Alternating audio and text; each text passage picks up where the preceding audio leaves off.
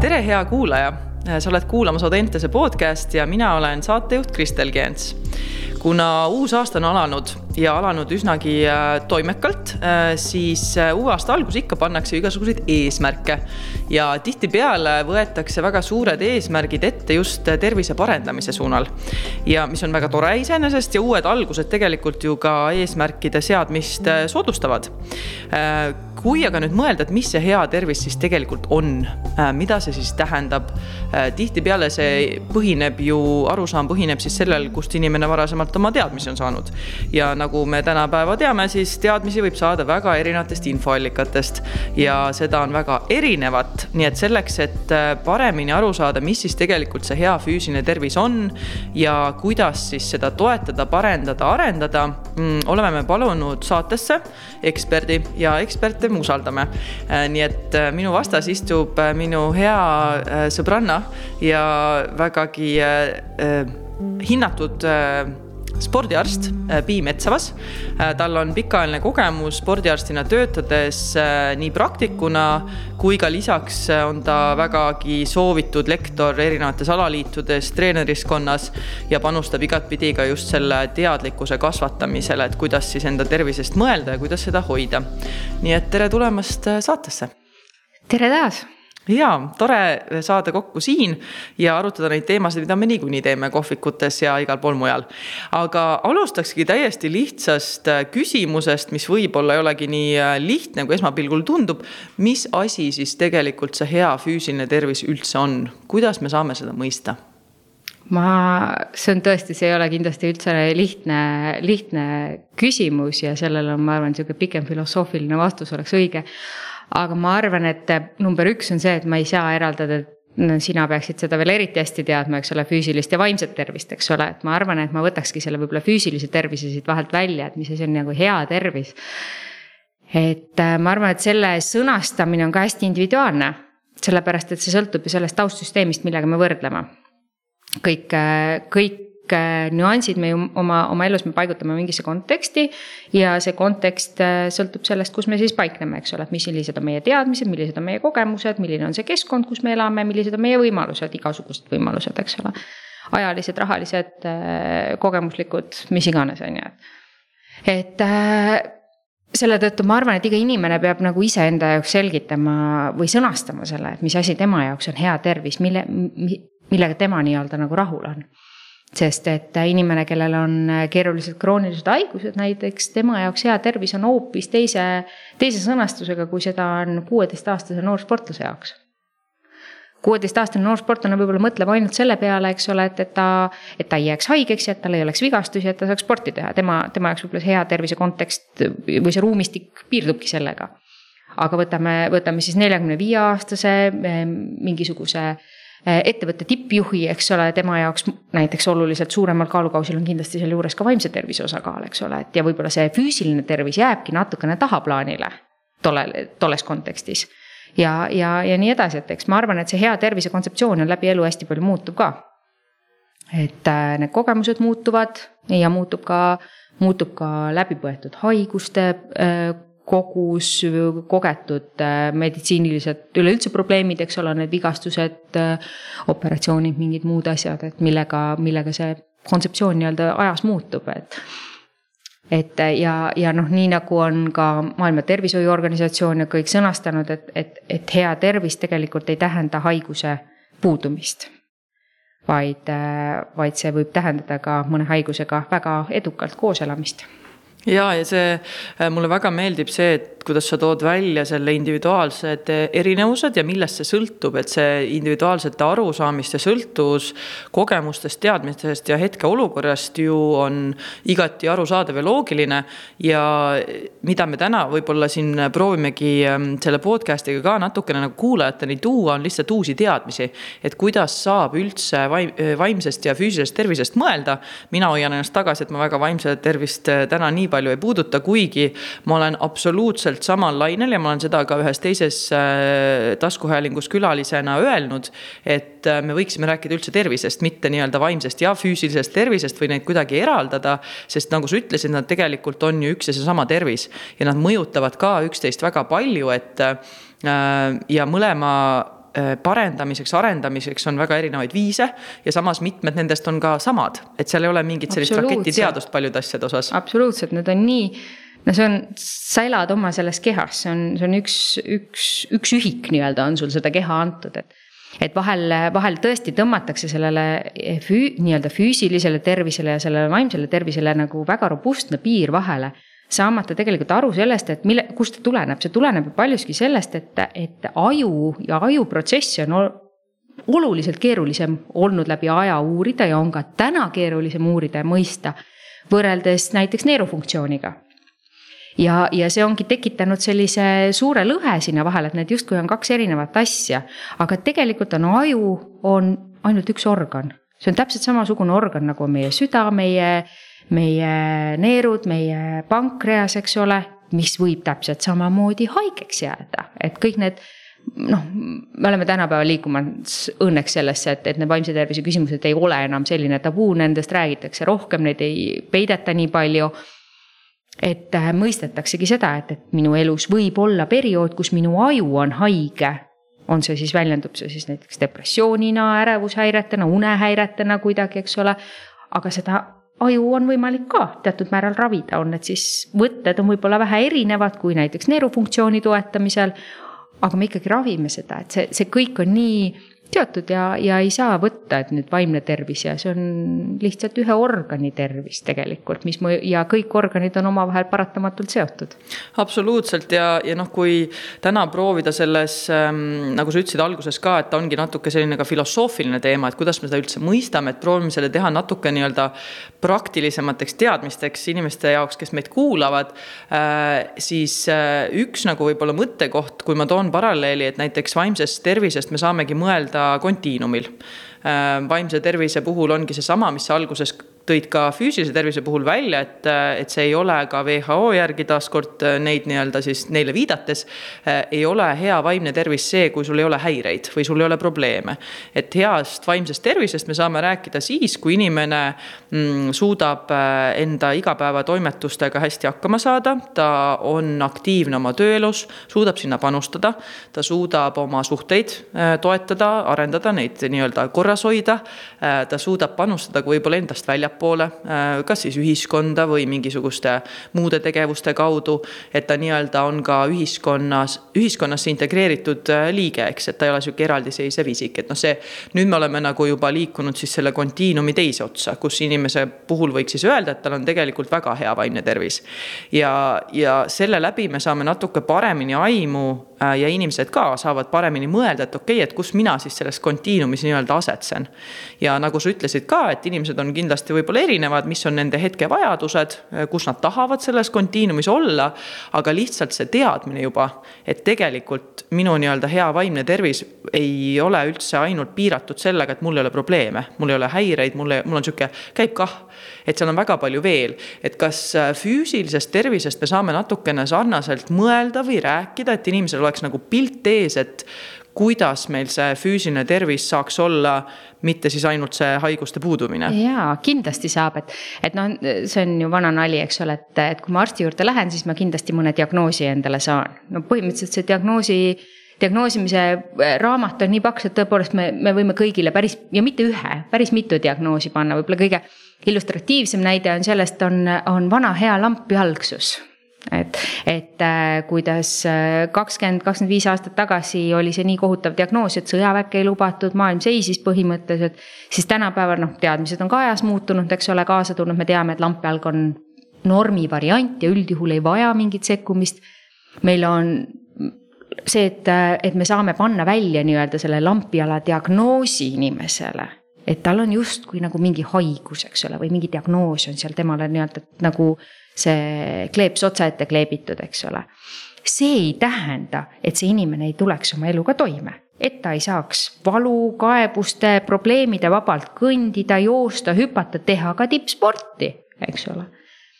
et, äh, et neid, see on, see on võib-olla selline lihtne näide või, või võtame näiteks ka skeletilihasüsteemi poolt teise näite, eks ole, skolioos ehk kõverselgsus, eks ole, teatud, et äh, jah see võib olla väga minimaalselt väljendunud, see võib olla väga markantselt väljendunud. aga see ei tähenda, et näiteks äh, jääks elus midagi tegemata. see, neid äh, asju on võimalik hoida kontrolli all, neid on võimalik manageerida ja, ja ma arvan, et me keegi ei saaks öelda, et Usain Bolt ei oleks nagu hakkama saanud oma valitud teega või et tal ei võiks olla, et, et, et see nii-öelda tema diagnoos kuidagi teda takistaks et ma arvan, et, et need on võib-olla siuksed lihtsalt illustratiivsed näited, aga, aga sama, sama kehtib ka ju muude äh, siseorganite näiteks äh, haiguste puhul. see, et kellelgi on kaasasündinud südamerike teatud variandid, ei takista teda elama täisväärtuslikku elu, saama, olema, kandma rasedust, sünnitama, saama lapsi. jah, on erandeid, aga, aga väga paljude puhul see ei ole mitte mingiks takistuseks või võtame näiteks diabeedi diagnoosi meie diabeeti on teadlikult manageerides, ravides, hoid-, tehes ise ka intelligentseid valikuid, sealjuures teades oma tervise riske, oma tervise näitajaid äh, ja, ja diagnoose, on võimalik äh, tegelikult elada absoluutselt täisväärtuslikku elu. meie meditsiin on nagu nii kaugele arenenud, et ta annab tegelikult nii hea stardipunkti. aga me ei saa üle sellest, et meditsiin ei saa teha kõiki inimese eest mis on, kui mõelda siit edasi, et kui näiteks äh, ma proovin seda panna nagu enda peas natuke ka sihukesele kontiinumile, et kui ma kujutangi ette, et üks äh, nii-öelda miinimum on siis see, et ta suudab funktsioneerida ka füüsiliselt äh, oma nii-öelda igapäevaelu kohustusi arvestades, et ta saab nagu igapäevaelu sihukeste nii-öelda asjadega hakkama selle füüsilise tervisega, mis tal on. no näiteks, et selge see, et kui tal ta näiteks on haigus. poes, eks ole, ta saab mm. käia võib-olla, võib-olla ka vähendatud koormusega töö töökohal, eks ole, et noh, diagnoosid on erinevad, on või, või kohandatud töökohal. jah, ja teine, teine ots on, eks ole, siis see, kus ta saab teha absoluutselt seda, mida iganes ta tahab. see ei piira teda absoluutselt ja kuskil, kuskil eh, kuskil seal see inimene siis nii-öelda sellel, sellel joonel paikneb ja see, see li, joonel paiknemine on ju ajas erinev, nii nagu vaimse tervisega ongi, eks ole, et, et täna ma olen, täna ma olen ühes otsas, homme olen, mitte isegi homme, vaid võtame pikema perspektiivi, võtame viie aasta pärast ma olen, ma olen kuskil mujal paiknen. ja seal võib toimuda absoluutselt sihukest nii-öelda edasi-tagasi liikumist, et see ei ole, see ei ole nii-öelda kivisse raiutud, et, et see, kui inimene on rasvunud, ei tähenda, et ta oma tervise seisukohalt ei võiks liikuda selle, selle joone teise otsa, kus teil, me võib-olla räägime ülekaalust, aga me ei räägi enam haiguslikust rasvumisest, eks ole. ja, ja see võib ka kõik muutumises olla aga see on tegelikult päris hea, hea nagu näide, see viimane just, et kui näiteks noh, ma proovin panna ennast jälle inimese olukorda, eks, et ta saabki aru, et näiteks tal okei okay,, et mul nagu haigus ei ole, ütleme, ma teen oma tööelu ja tänapäeval ju tööelu ei ole väga palju füüsilist äh, tervist nõudev nii-öelda, välja arvatud see, et sul pole haigus ja saad tööle minna. et noh, väga paljud inimesed tegelikult ju töötavad kontoritööl, mis ja ma olen absoluutselt kahe käega nõus, et kui sul on hea füüsiline äh, tervis äh,, siis äh, sa tegelikult funktsioneerid ka ka kognitiivselt paremini. su mõte töötab paremini, sa keskendud paremini ka siis, kui su töö on puhtalt istuv, sa ei, ütleme, ei pea füüsilist nii-öelda tööd tegema.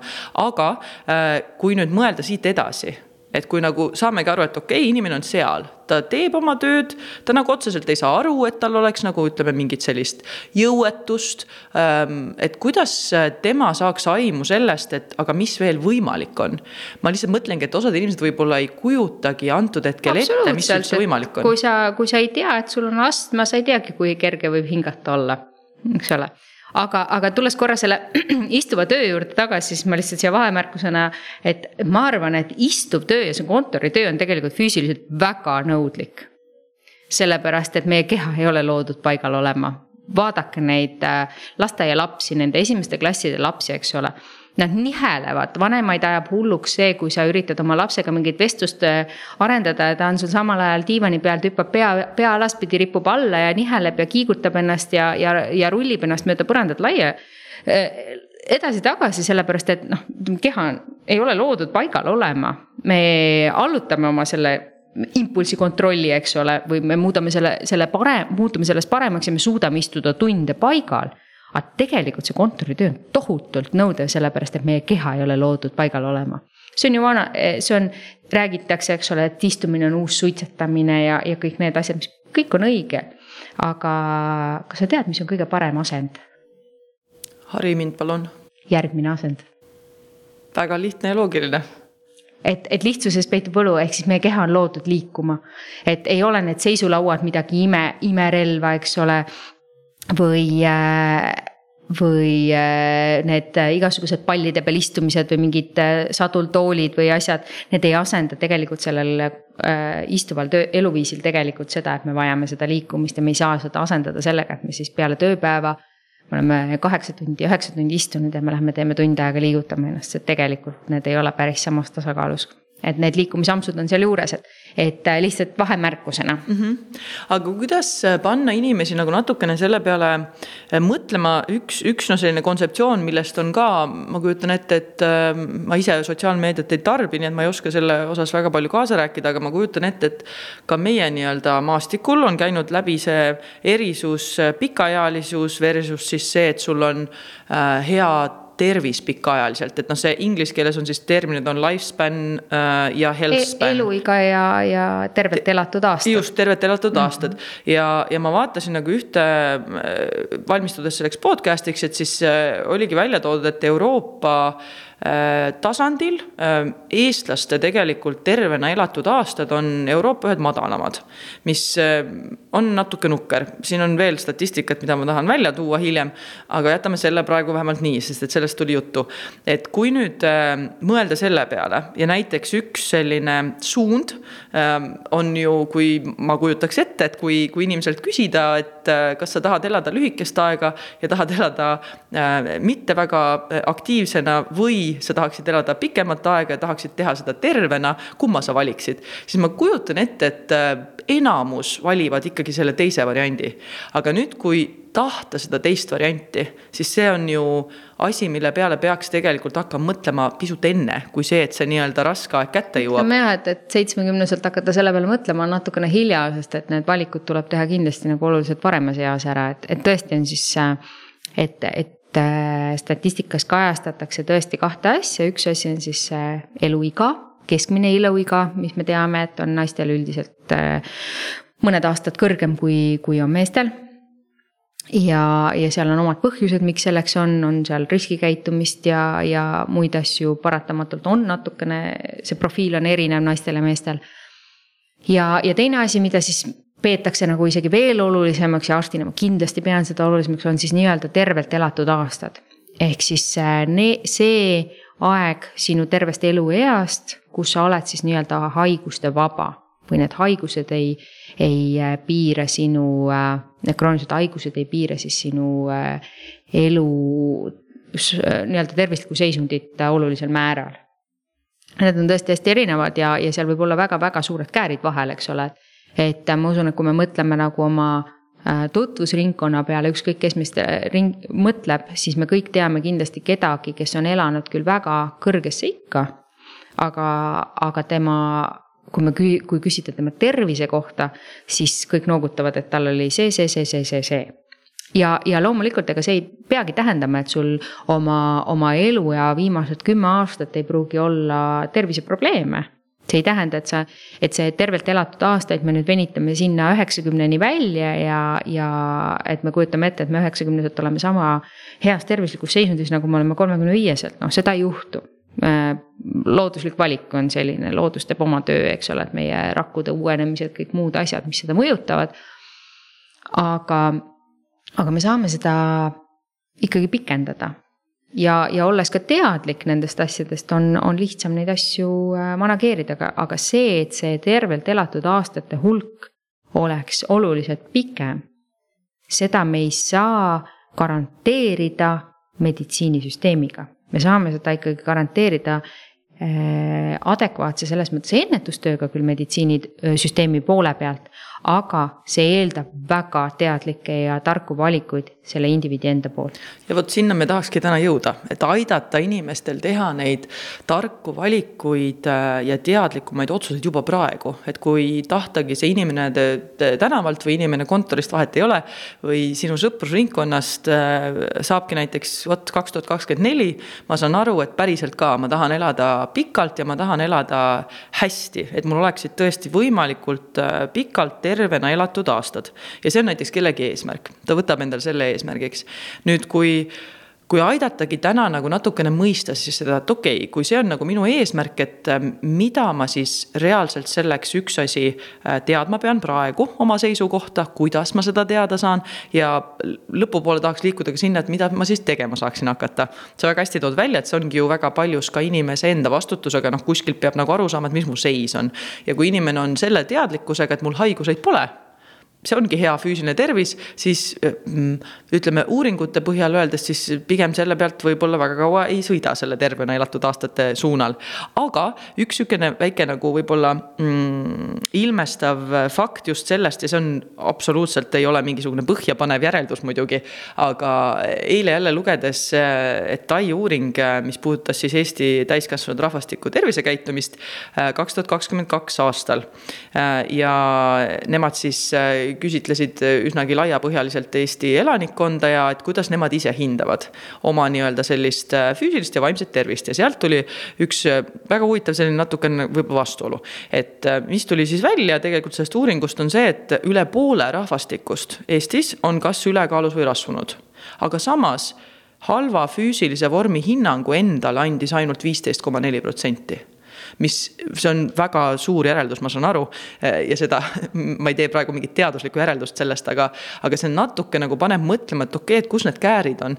et kus siis nagu ja, ja just tulles tagasi, et mida meie saaks natukene võib-olla anda kaasa et kuidas siis hinnata oma nii-öelda füüsilist tervist kuidas sellest aru saada, et mis seisus ma praegu olen, et see hinnang võib-olla oleks natukene nii-öelda siis rohkem tasakaalus sellega, mis see seis tegelikult on? see on väga huvitav, ma ei ole ise seda uuringut lugenud, et, et see on ka huvitav, mida, mida peaks isegi vaatama, et et kui sa ütled, et nagu pool on meil ülekaalus ja rasvunud, eks ole, elanikkond, vähemalt sellest uuringugrupist, eks ole, uuringugrupist ja nendest viisteist, viisteist protsenti leiab, et nende füüsiline sooritusvõime ja füüsiline, füüsiline suutlikkus ja vorm on halb, eks ole ma arvan, et siin äh, sõltub, ma ma, ma taandaks selle jälle siia taustsüsteemi.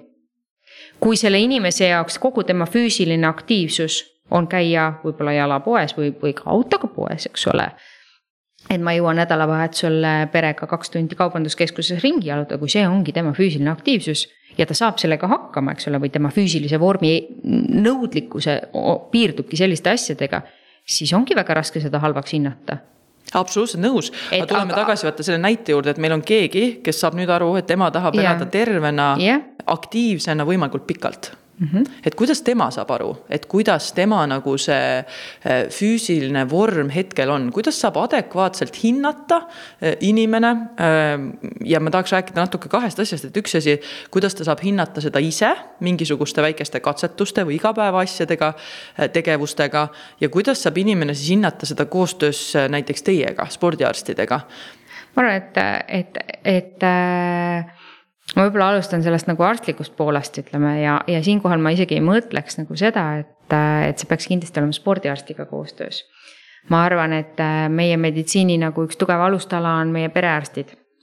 ja perearstidel on oma patsientide jälgimise juhendid, skeemid vastavalt vanusele, vastavalt terviseprobleemidele ja, ja sellised üldised tervisekontrollid või esmased tervisekontrollid, ma arvan, võikski jääda tegelikult perearstide nii-öelda kontrolli alla, sest perearstide pädevuses on absoluutselt hinnata seda, kas inimene on ülekaalus, rasvunud äh, milline on tema südametervise riskid, millised on vaimse tervise esmased riskid, ütleme. Äh, diabeedi riskid, eks ole, et sellised oluli- või olulisemad Äh, olulisemad nii-öelda need suuremad haiguste grupid, mis põhjustavad nii-öelda enneaegset haigestumist ja suremust ka sealt, eks ole, et südame-veresoonkond.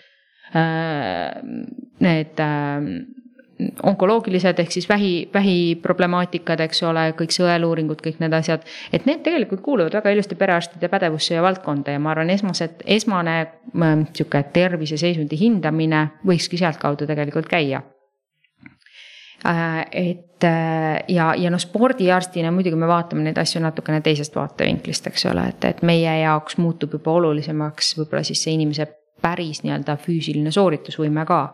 see ei tähenda, et, et, äh, et neljakümne aastane koduperenaine, et me ainult võrdleme teda, eks ole, tippsportlase konteksti paneme, kindlasti mitte.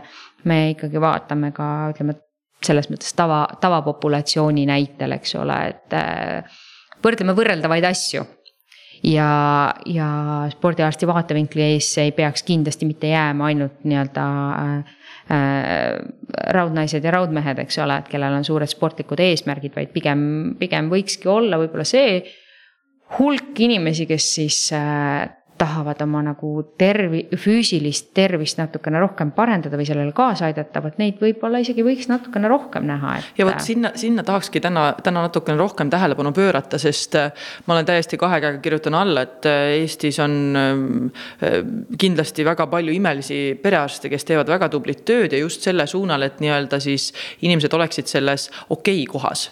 aga nüüd, kui, kui kujutamegi ette, et on, meil on siis see inimene, kes tahab nüüd panustada sellesse, et, et tal päriselt oleks oleks sihuke hea, täisväärtuslik, võimalikult äh, heas konditsioonis äh, vanaduspõlv näiteks.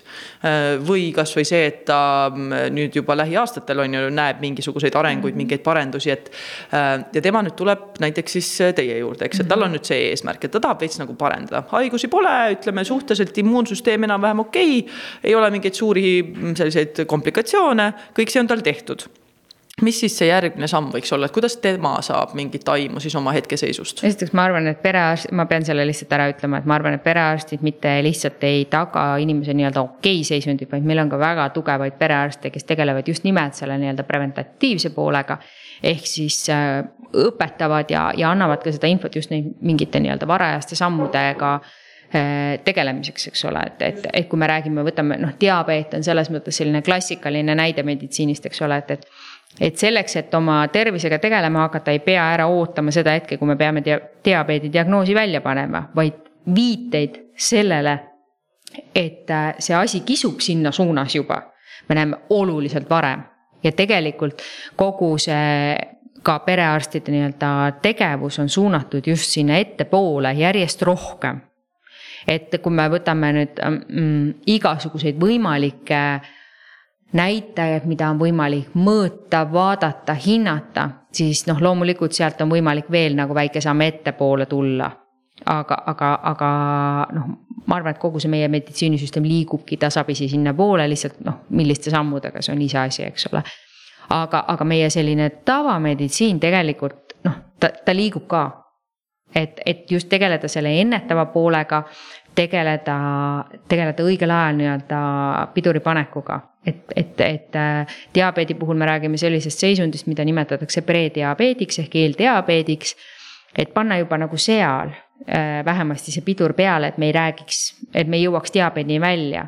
aga noh, põhimõtteliselt on ju võimalik nagu ka oma mõelda äh, sellest aspektist, mis on ka ütleme, prediabeedi riskitegurid ja mõelda sealt veel pool sammu ettepoole, eks ole, et, et me ka ei jõuaks selle prediabeedini, eks ole, et üks asi on seal toitumine, kehakaalud kontroll, äh, meie füüsiline aktiivsus, kõik need sellised äh, just nagu lihtsad banaalsed tõed, eks ole, aga, aga lihtsalt nii meie keha toimib, meie keha ongi arha-, nii-öelda, ta on nii vana, ta on nii arhailine selles mõttes.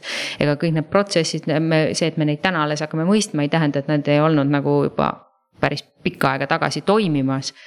ja, ja, ja need kõik asjad on omavahel nii seotud okay.. me ei saa, me ei saa eristada ühte organit teisest jälle, eks ole mm. -hmm. et kui ma nüüd õigesti aru saan, siis äh, näiteks kui inimene, ütleme, tahab oma seda eesmärki täita ja tahab reaalselt, tal on eesmärk, et ta tahab nüüd füüsilist vormi parendada.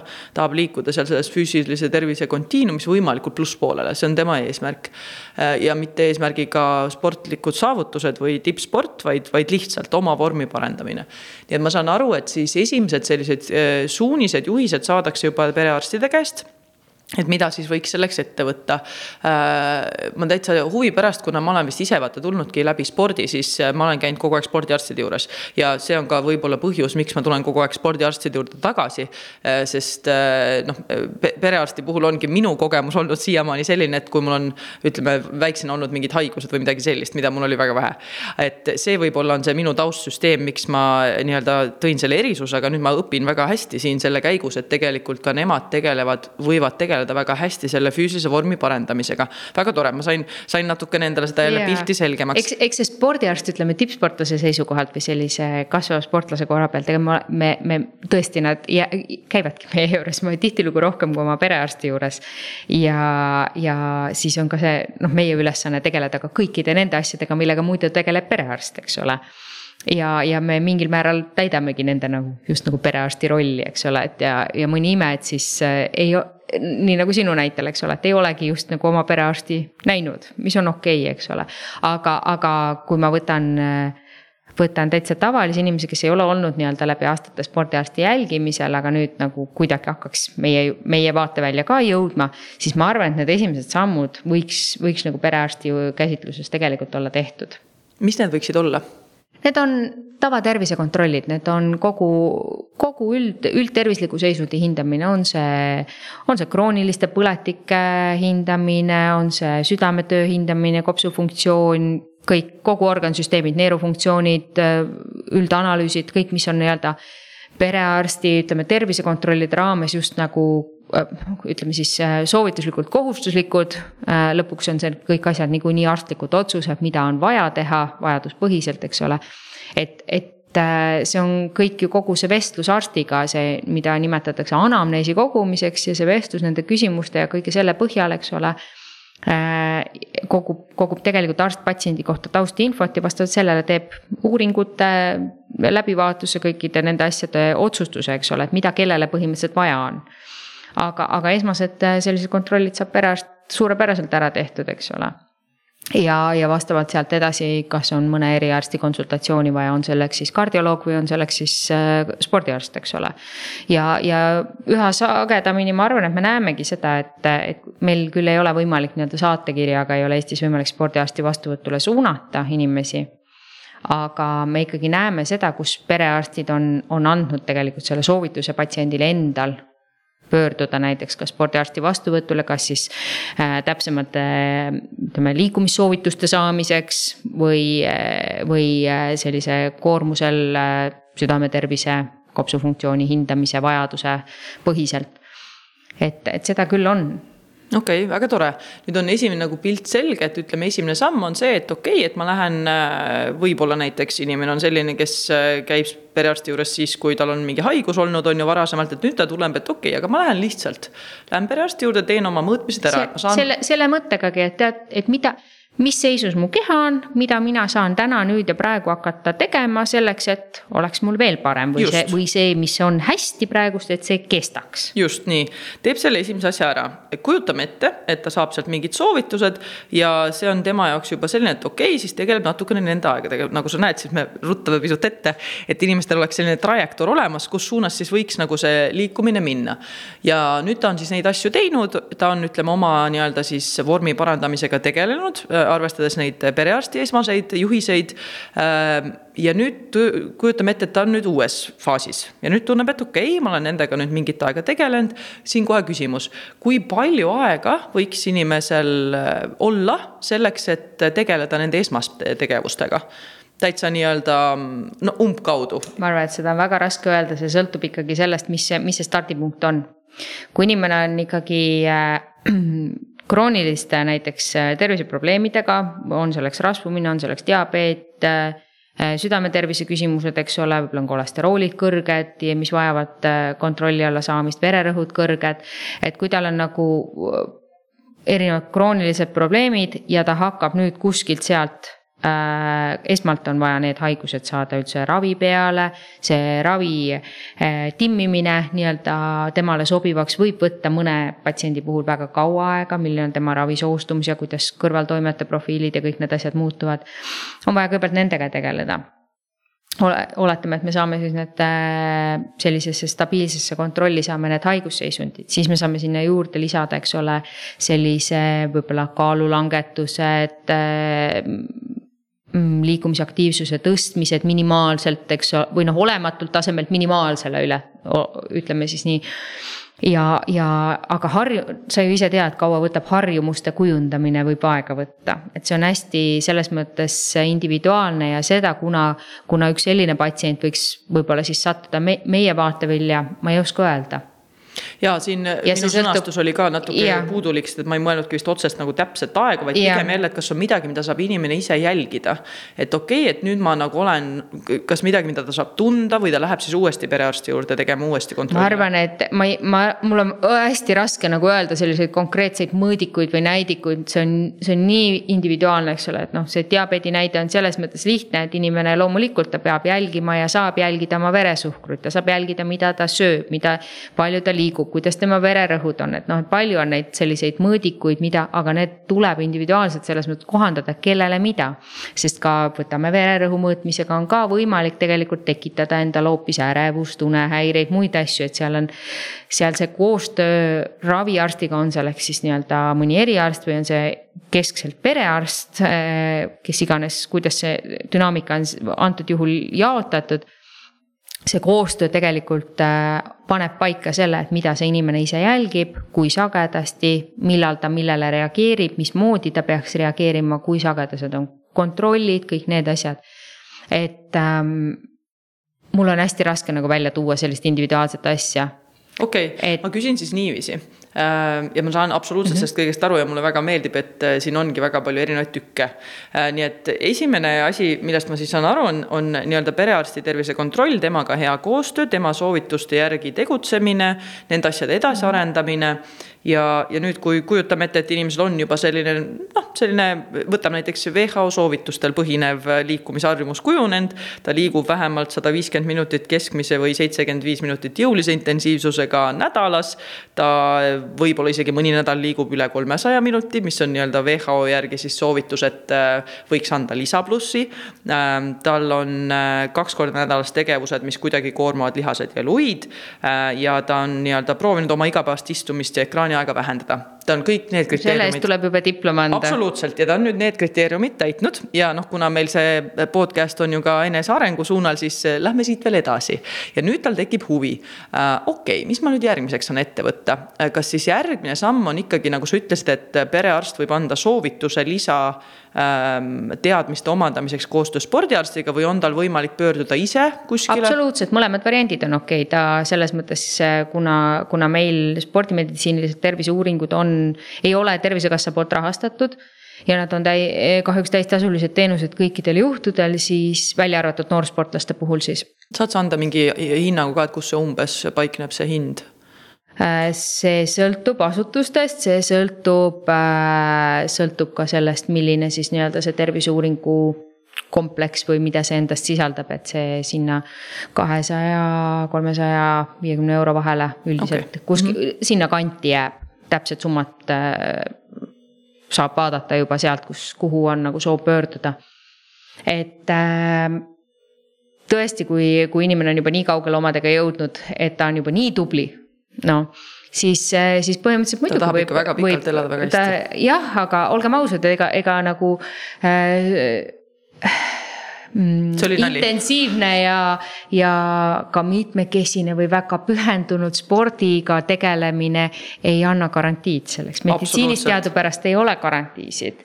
võtame kasvõi õnnetusjuhtumite juhtumise, eks ole, et, et mida spordis kukkumisi ja asju tuleb ikka ette, ega see ei pruugi tähendada nüüd. ma saan aru, et siin Aga... peab väga valima, milliseid nalju vahele sisse tuua, sest et siia tuleb tihtipeale eh, ägedaid argumente vastu, mis mulle väga meeldib.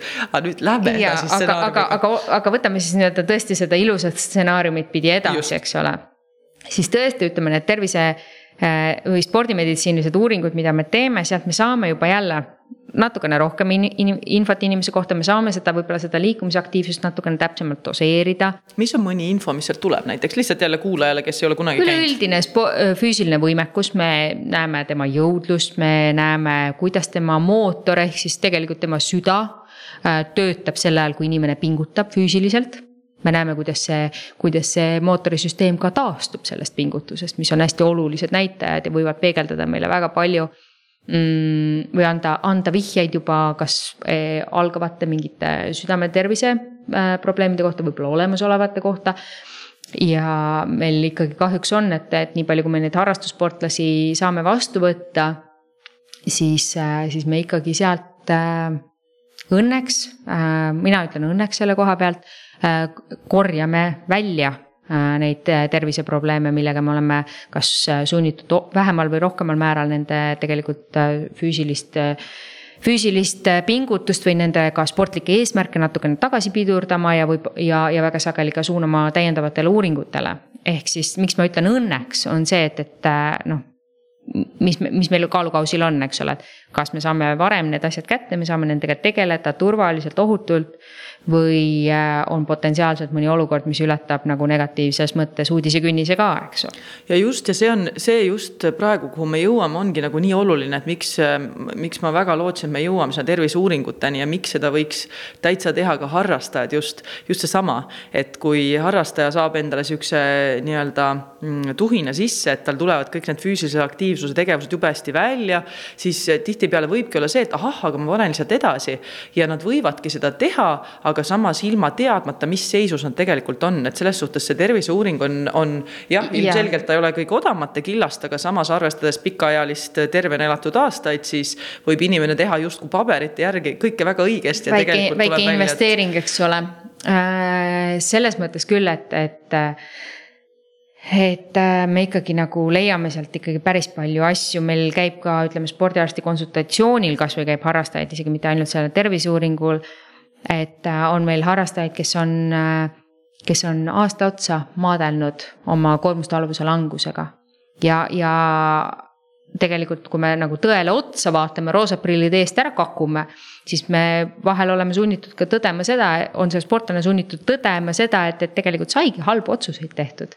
ja, ja tänu sellele minu füüsiline võimekus ja tegelikult sealt tulenevalt ka tervis ongi nii-öelda kehvas seisus hetkel ja nüüd ma pean hakkama sellest august välja ronima ja, ja neil on vahel väga raske, noh, see läheb juba sinu sellesse erialavaldkonda, eks ole, et neil on väga raske aru saada sellest, et ma nüüd pean tõmbama uue nulljoone, et ma ei saa võrrelda ennast sellega, mis oli. ma pean alustama kuskilt hoopis teisest kohast, enne kui ma võin võrrelda võrreldavaid asju jälle. ja siin saab jälle tulla tagasi nende põhieesmärkide juurde, miks sa üldse seda teed? ja see on, noh, see on, see on hoopis teine vestlus, eks ole. absoluutselt. et äh, aga need terviseuuringud selles mõttes on küll hästi tänuväärsed, et, et me saa-, me ei anna seal, me ei saa garantiisid anda, aga kes ei ole nagu oma tervist kunagi kontrollinud või ei ole kakskümmend aastat kontrollinud, siis see võiks olla nagu soovituslikult kohustuslik, jah. ma pean tõdema seda, et harrastajatel on keerulisem löögile pääseda.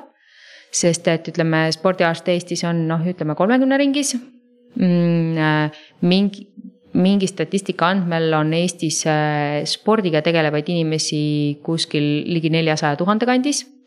Ja, ja väga suure osa sealt muud spordiarsti vastuvõttudest moodustavad siis nii-öelda noorsportlased, kellel on äh, tervisekassa rahastusega võimalik teatud tingimustel neid terviseuuringuid läbida. siis on meil, eks ole, meie tegevsportlased. Ja, ja siis jääb käputäis nii-öelda võimekust jääb meil üle nii-öelda harrastussportlastele, aga kes ikkagi väga tahab, ta tegelikult saab selle tervisekontrolli tehtud ja, ja sealt on, sealt edasi on võimalik neid asju, asju vaadata ja, ja edasi aidata seda sportlikku, on, on tema ambitsioonid millised iganes.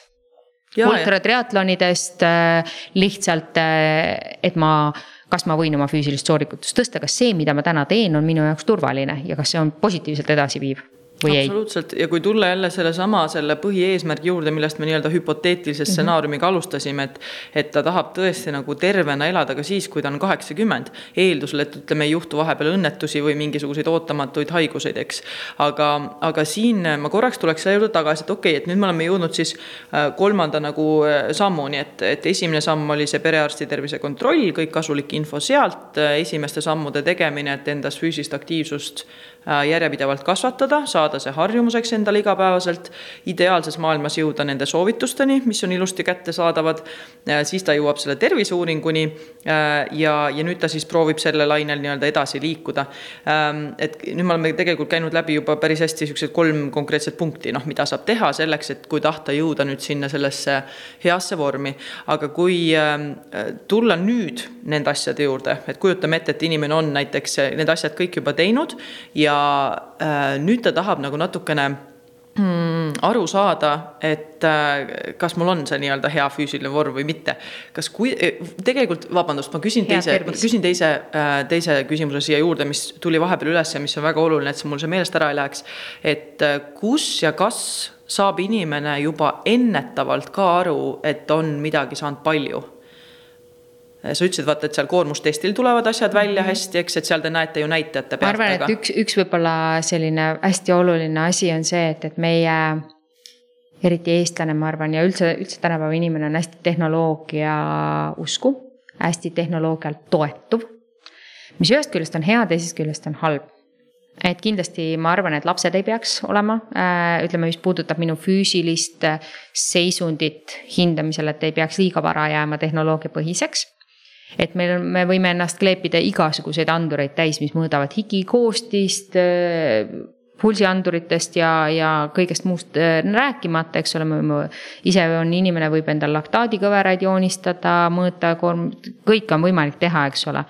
aga number üks on see, et noh, tuleb koguda andmeid, mida, millega me midagi peale ka hakkame, eks ole. kuldlause Äh, sest äh, noh, kõik need asjad mõõdavad kogu aeg midagi, aga kui, kui me oleme andureid täis ja kui me seda infot ei kasuta, siis on sellest äh, teadupärast vähe kasu, eks ole. siin ja... on lihtsalt üks väike täiendus, ära mõtet ära kaota, aga see väike nii-öelda siis ähm, footnote, et kui me keskendume liiga palju anduritele, siis see tegelikult võib mõjuda eesmärke arvestades kahjustavalt. sellest võib tekkida oma ärevus ja stress, et sa jälgid kõike õudselt pingsalt ja oot-oot, aga mis mu eesmärk no, oli? põhi, põhiunune parandamine. ja, ja, ja et, et, et nendesse numbritesse kiputakse nagu hästi kinni jääma ja seda on, ütleme harrastajate puhul, puhul ikkagi väga selgelt näha ka. Nad on väga, meie harrastaja on tegelikult äh, selline eesmärgile orienteeritud harrastaja Äh, kui ma räägin, ütleme siis äh, füüsilise sooritusvõime parandamisest konkreetselt võistluslikult ja, ja, ja meie harrastaja on tegelikult väga teadlik. Ta on ennast väga hästi harinud, nad, äh, neil on võimsusandurid, vatid, mõõdavad. Kasvõi ratta peal, eks ole, et kumb jalg tugevamalt töötab, seadistatakse millimeetritega ratast paika kõike, noh, kõik, meil, meil on väga head võimalused, nad on haritud, nad on targad. Aga nad teavad sellest tehnoloogiast ja kõigest sellest, aga käärid, mida mina näen, mis tekivad, mis puudutavad tervist, on see, et enam ei, ei, kas enam või ei ole seda võib-olla kunagi õpitudki, sest noorsportlaste puhul on seda ka näha, nad ei oska panna sõnadesse seda, mida nad oma kehas tunnevad. ma ütlen alati seda, et, et, et see on üks olulisemaid oskuseid, mida peab juba noorest peast õppima, on see, et, et kirjeldada sõnadega seda, mida mina oma kehas tunnen. mul võib olla ükskõik kui hea treener, milline udupeen tiim taga, eks ole. aga kui ma ei oska seletada seda, et mu põlv valutab, mida tehes mu põlv valutab, kui tugev see valu on, milline, kirjeldada seda valu on teistel väga raske sind aidata, sest mitte keegi mitte kunagi ei saa tundma seda, mida mina oma kehas tunnen, eks ole, et see on see, miks me ei saa ka nagu valu või teatud nii-öelda vaimse tervise küsimusi me ei saa seada just nagu kahtluse alla, sellepärast et, et noh, kes oleme meie hindamaks seda, mida, kuidas sina ennast oma kehas tunned, kui inimene ütleb mulle, et tal on valu seitse palli, siis esimese asjana minu, minu eesmärk on teda tegelikult uskuda ju. aga valu ongi. ja valu on väga subjektiivne üleüldse. kompleksne asi üleüldse, seal ja. on sensoorne info, seal on emotsionaalne ja. info, seal valu on psühholoogiline info. väga hea podcast ju tegelikult eesti keeles olemas Tribeshini äh, alt, et et äh, tasub kuulata, aga, aga et mis ma sellega öelda tahan, on see, et äh, jäädakse tehnikasse kinni ja, ja väga palju, noh, ma ei taha öelda väga palju, sest õnneks neid juhtmeid ei ole palju olnud, aga, aga need, ütleme üks olulisemaid asju, mida me spordiarstina tahame enneta, on südame-äkksurm spordi kontekstis. Need, need kõige, kõige õudsemad juhud, eks ole, et mis, mida me, mida me spordiradadelt äh, uudis, uudislehekülgedele jõuavad siis äh, ikka ja jälle tuleb neid, kui neid lugusid tuleb, siis aeg-ajalt ikka käib läbi äh, midagi sarnast, et, et, et ma tundsin ennast halvasti. mul ei olnud hea olla, ma vaatasin pulsikella, pulss oli ainult sada kümme, ma panin edasi. ehk siis alati äh, see, kuidas ma päriselt ennast tunnen, sõidab üle igasugusest tehnoloogiast. ja vot see unustatakse vahel ära kui, kui nüüd. ja proovida... mitte ainult ütleme sellest nagu äkksurma kontekstis, vaid üleüldse ka sellise ülekoormuslike probleemide ja, ja ülepingutuse kontekstis ei unustata, jäädakse nendesse näitedesse kinni. Need võivad olla väga abistavad ja, ja ka aidata õigel hetkel jaole saada.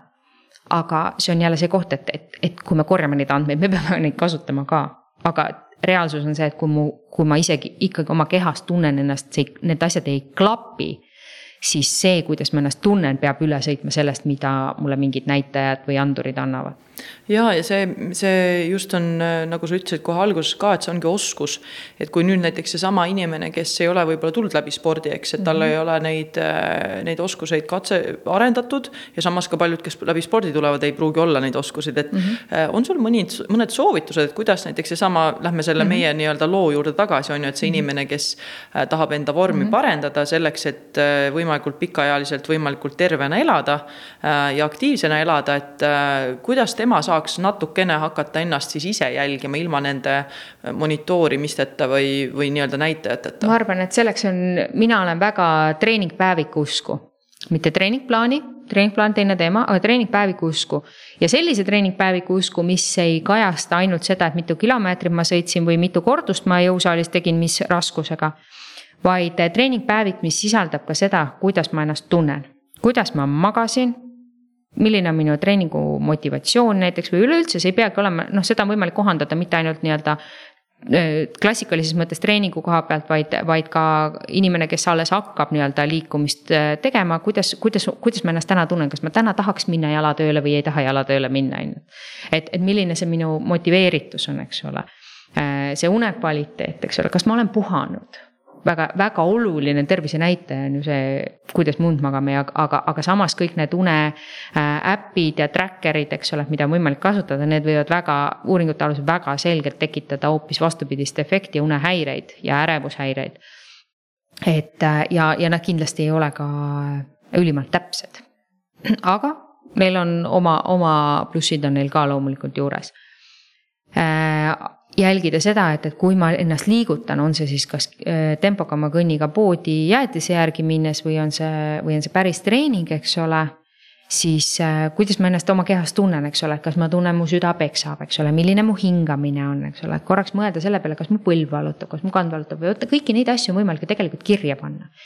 ja, ja ma arvan, et see kirjapanek, vaidle mulle vastu, psühholoogina sa tead nendest asjadest rohkem. ma arvan, et kirjapanek vähemasti õppefaasis tegelikult annab äh, võimaluse oluliselt rohkem mõtestada seda või sõnastada seda, mida ma tegelikult tunnen.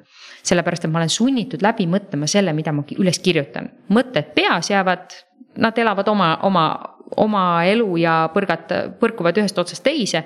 aga see, kui ma selle reaalselt füüsiliselt panen paberile see mõte peab ju, noh, see mõte, mis mul peas on või see kirjeldus oma enesetunde kohta, see peab jõudma sõrmedesse ja kirjutamisse ja paberile, eks ole. ja neid asju kirja pannes ja korraks nendele, nendele sõnadele päriselt otsa vaadates õpib inimene tegelikult nagu aru, märkama seda, mis tema kehaga tegelikult toimub. ma arvan, et see, see uudishimulikkus võib-olla siis oma keha aistingute suhtes on, on see, mida inimene saab, kust, kust saab nagu päriselt alustada, kui ei ole mitte mingit kogemust. et ahaa siit tuikab, huvitav, mis see on, eks ole, et, et kas ma tegin endale liiga, kas see läheb üle hmm.? et okei okay,, et kümne palli skaalal, kuidas ma seda hindan, kas see valu võiks olla täna. et kui ma kujutan ette, et kümme on kõige tugevam valu, mida ma suudan üldse ette kujutada, null on valuvaba, siis kus ma praegust, kus on. selline uudishimulik lähenemine, sest et kui, kui inimene läheb ka näiteks äh, põlvevaluga, läheb arsti juurde. korraks mõelda, et mis küsimusi arst tegelikult esitab valu kohta, ahhaa, et kuna hakkas valutama, kas on mingeid traumasid olnud, kas on ka, millal see valu on, kas ta on puhkeolekus, kas ta on mingil liigutusel, mis liigutustel ta on, kas ta on äh, koormuse ajal, kas ta on peale koormust, kui tugev valu on, kas see valu on terav, kas ta on lõikav, kas ta on tugev, eks ole, et noh, valugi, ainuüksi valu on meil võimalik nagu kirjeldada või sõnadesse panna hästi äh, mitmekesiselt aga, aga sama on ka tegelikult igasugused aistingud, eks ole, mis me tunneme hingamise koha pealt, eks ole, või, või noh, sportlastele ma ikka ütlen, et noh, et, et pange kirja oma treeningpäevikusse ka see, kui sa tunned hommikul, et sul on kurk kähe, kurk valus, eks ole. Need võivad olla esmased märgid sellest, et, et kuskilt hakkab mingisugune infektsioon, haigus ligi hiilima, aga võib-olla oled lihtsalt pool ööd suu lahti maganud ja kurk on ära kuivanud. aga, aga kui sa märkad neid asju, sa paned nad kirja esialgu vähemasti, siis äh, sa õpid neid asju nagu paremini analüüsima ja märkama seda, mis tegelikult sinu kehas toimub, ma arvan, et väga palju on ka ju psühholoogi töös seda, eks ole, et märka, mis sinu mõtetega toimub. nüüd on küsimus selles, et nüüd sa pead märkama, mis sinu füüsilise kehaga toimub ja, ja noh, kõik need, mis sa kirjeldad, need on väga sellised äh, rakendatavad mõtted, et siin on vist samamoodi nagu oli selle füüsilise treeningplaani tegemisel see koht, et alustada mõistlike sammudega ja valida paar asja, mida sa nii-öelda jälgid ja hindad ja kirjeldad. Versus see, et kõike proovida korraga teha ja kõike hästi det detailselt, et nagu sa enne ütlesid ilusti, et see on ka oskus. ja, ja just võib-olla siis valida enda jaoks paar sellist nagu relevantsemat välja. Need on asjad, mida on võimalik jälgida ilma, et inimene peaks tegema kohe alguses mingisuguseid investeeringuid, kas mingitesse kelladesse, äppidesse, seadmetesse need on puhtalt sellel, mida, mida ma tajun, sest et arstina ma ütlen, et kui mul on vastas Äh, inimene, kes oskab kirjeldada seda, mida ta tunneb, kuidas, kuidas ta tunneb, et tema süda tema kehas töötab näiteks koormuse ajal, eks ole, et kas tekib mingi rütmihäiretunne, ta hakkab peksma või. või, või käib mingi jõnks minust läbi, et ükskõik, kuidas ta seda kirjeldab, mida rohkem ta seda kirjeldada oskab, seda lihtsam on minul temast aru saada ja, ja valida talle ka tegelikult kas õiged uuringud, millega seda siis nii-öelda täpsustada objektiivselt. või, äh, või kahtlustada mingisugust äh, konkreetset probleemi ja see äh, tundub hästi selline tore asi siia lõppu just nagu lisaks, et mida saab inimene veel ise siis ära teha peale nende nii-öelda sammude tegemise, mida me enne juba kirjeldasime. et selle kõige selle teekonna vältel, kui inimene otsustab, et ma tahan nüüd oma tervise parendamise suunal hakata samme mhm. astuma, et siis äh, see treeningpäevik äh, võib-olla esmapilgul justkui hirmutab oma sõnaga ära, et see on justkui asi, mis on ainult sportlastele, kellel on suured eesmärgid, aga ei pea üldse olema, et see võib olla täitsa hea vahend selleks, et oma seda teekonda paremini juhtida juhtida. võta, võtame näiteks, äh, ma arvan, et äh, meil on viis, maailma populatsioonist roughly nii-öelda ümmarguselt viiskümmend protsenti on äh, mehed, viiskümmend protsenti naised. sellest viiskümmend protsenti populatsioonist jälgib pidevalt tegelikult ühte oma tervisenäitajat. mis sa arvad, mis see on ja kes seda jälgib? hea küsimus. mul käib praegu peas nii palju erinevaid näitajaid ja nüüd ma arvan, et see on võib-olla asi, mida me ei ole otseselt puudutanud. Kitsendan, pool populatsioonist on meil naised, mis võiks olla tervisenäitaja, mida ehk siis pool maailma populatsioonist ehk naised jälgivad. teadlikult, alateadlikult. oma tsüklit. absoluutselt, oma menstruatsioonitsüklit, väga oluline tervisenäitaja ja, ja tegelikult me jälgime seda, me oskame, kui enamik, kui me räägime naistest, kui minna naistearsti juurde küsitakse tsükli kohta, ikkagi osatakse vastata sellele. valulikkus, vererohkus, kaebused, mingisugused asjad menstruatsiooni või noh, päevade ajal ehk siis menstruatsiooni ajal. aga tegelikult ju tsükli, tsükli ajal võib veel olla muid äh, kaebuseid või, või ka muid positiivseid ilminguid. see on juba täitsa eraldi teema. et, et ja see on absoluutselt täiesti teine teema, aga, aga see on ka tegelikult üks tervisenäitaja ja oma, oma terviseseisundi jälgimine, mida me teeme poolalateadlikult. Ja, ja nüüd sinna juurde liita siis, eks ole, et mõned väikesed nüansid veel, hindamaks seda, kuidas ma oma kehas tunnen, need on noh. sellised, ma arvan, head alguspunktid selles mõttes, et, et vahel on et ma tahaks, ma, tuleb, tuleb keegi, kes, kes ikkagi, et ma tahaks kõik ära, noh, ikkagi oma tervise kohta kõik teada saada, et see on selline hästi ambitsioonikas plaan. mida, mis reaalsuses nagu on väga keeruline rakendada. isegi kui ütleme, rahalised ressursid ei ole piiranguks, siis äh, tahetakse vahel ka, et, et kui ma juba olen, et ma teeks siis kõik vereanalüüsid ära et äh, noh, see ei ole lihtsalt realistlik, et kuskilt peab otsast noh, neid valikuid hakkama tegema, et, et see, mida vereanalüüsidest hinnata, ütleme. ennetavalt terviseseisundi hindamiseks, noh, see on täiesti jälle omaette teema. aga, aga võib-olla sellised äh, äh, võimalikult minimaalseid ressursse vajavaid äh,, ma arvan, et on, on, on ka väga hea kasutada just, ja sellepärast see ongi, ma loodan, vol üks, mis me siin täna sinuga arutada jõudsime, sest et meil on tund aega ootamatult täis saanud.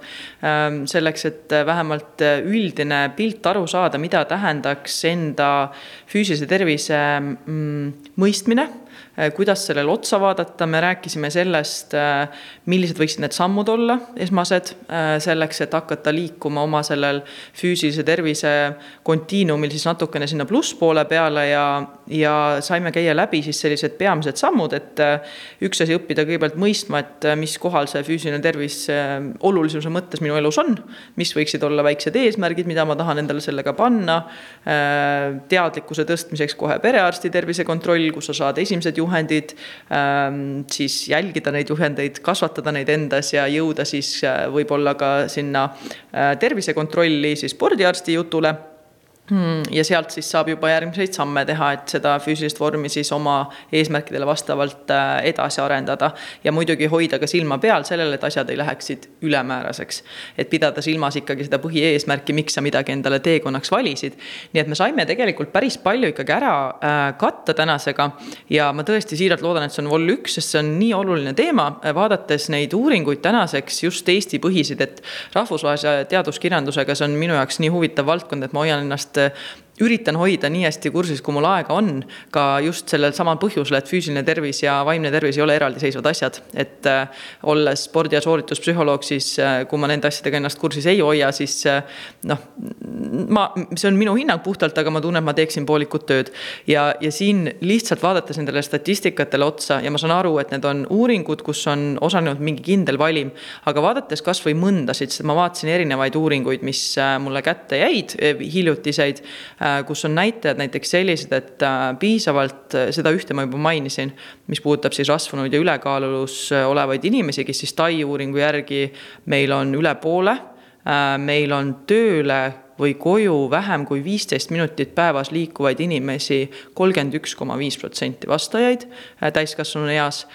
meil on kaheksateist protsenti igapäevasuitsetajaid, meil on piisavalt aktiivseid täiskasvanuid Äh, sportlikult kolmkümmend üks koma kaheksa protsenti ja väheaktiivseid viiskümmend kaheksa koma neli protsenti. Äh, seal vahepeal see erinevus on. siin ei tohi ära unustada, et meie populatsioon on vananeb. just. Need ja, numbrid ei kuku väiksemaks. just ja, ja tööalaselt aktiivseid on siis üheksa koma kaheksa, et kui kellelegi jäi kõrva, et no üks prots-, mingisugune protsent jäi nagu puudusest sajast. et noh, need numbrid panevad mõtlema ja hästi tore on see, et meil on olnud see liikumist soodustav aasta kaks tuhat kakskümmend kolm. ma väga loodan, et selliseid initsiatiive initsiatiive tuleb veel, kõik need liikumisnädalad. Äh, ja tegelikult meil on väga palju võimalusi selleks, et liikumist äh, nii-öelda siis harrastada. ma arv-, ma arvan, et meil on jah, meil on, meil on päris head võimalused olemas spordiklubide, spordirajatiste näol, aga ma arvan, et üks kõige olulisemaid asju, mis paneb baasi kõigile, on tegelikult ja mis meil on puudu, on meil tegelikult selline infrastruktuur olemas, mis soodustaks just nimelt seda äh, pikendaks seda töölt, töölt koju liikumist.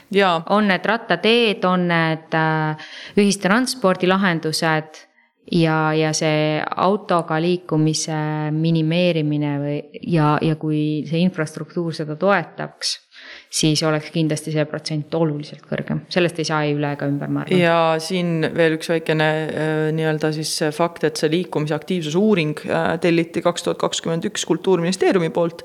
ja see tehti siis koostöös Tartu ja Tallinna ülikooli teadlastega. ja siit joonistub ka välja see et, et seitsekümmend kolm protsenti inimestest, täiskasvanutest liigub siis enamasti autoga ja lastest nelikümmend seitse. nii et see, need numbrid panevad mõtlema ja ma üldse tegelikult ei plaaninud lõpetada sellisel noodil, sest me tegelikult saime täna sellise väga positiivse sisendi, ma loodan, selleks, et mida saab iga inimene enda sees mõtiskleda kõigepealt äh, ja mõtiskleda just oma nagu pikaajalisel perspektiivil, ehk kuidas sa tegelikult oma nii-öelda elu pikaajaliselt elada tahad. ja, ja siit tuli ka päris palju häid mõtteid, äh, mida siis saab iseseisvalt teha, mida saab koostöös arstidega ette võtta. nii et väga siiras lootus ja ootus selle äh, episoodiga oli just see, et, et tõesti aidata mõista seda maailma, milliseid samme tasuks astuma hakata. nii et äh, mul on siiralt hea meel, et sa võtsid aega, et siia tulla, ma tean, et sinu graafik on ka tihe ja ma väga loodan, et meil tuleb siin ka Vol kaks ja kes teab, võib-olla ka Vol kolm ja veel mõned vestlused, et äh, nii tore on rääkida eksperdiga, kes nendest asjadest teab ja mina õppisin kindlasti juba ka siit päris mitmeid häid asju ähm, endale edasiseks. Ähm, on sul midagi siia lõpetuseks veel, mis sa ise tunned, et sa tahaksid nii-öelda mm, lõppu veel öelda omalt poolt edasi kuulajatele? võib-olla, võib-olla see, et, et et selleks, et noh, see on sihuke eesmärkide seadmise koht ka, eks ole, et, et teadupärast äh, spordiklubides ülerahvastatus on jaanuaris, aprillis ja septembris, kui inimesed hakkavad erinevateks hooaegadeks ja erineva motivatsiooniga nii-öelda tegutsema, mis on kõik väga tore aga, aga nende eesmärkide seadistamise koha pealt ma arvan, et noh, iga uue harjumuse kohandam-, harjutamine võtab aega, endaga tuleb selles mõttes olla leplik ja, ja, ja lubada ka eksida sellel teel. aga eesmärkide realiseerumine on tõenäolisem, kui need eesmärgid on läbi mõtestatud. ja, ja ka see oma tervise parendamine, see on nagu õudselt tore mõte. ja, ja see on väga vajalik mõte, aga just äh, võib-olla ei mõelda selle peale, et, et mis see minu eesmärk on, et kuidas ma tahan elada, kuidas ma tahan olla, kas see tähendab, mida see minu jaoks tähendab, sellepärast et tõesti, hea tervis ei tähenda seda, et mul ei ole ühtegi terviseprobleemi.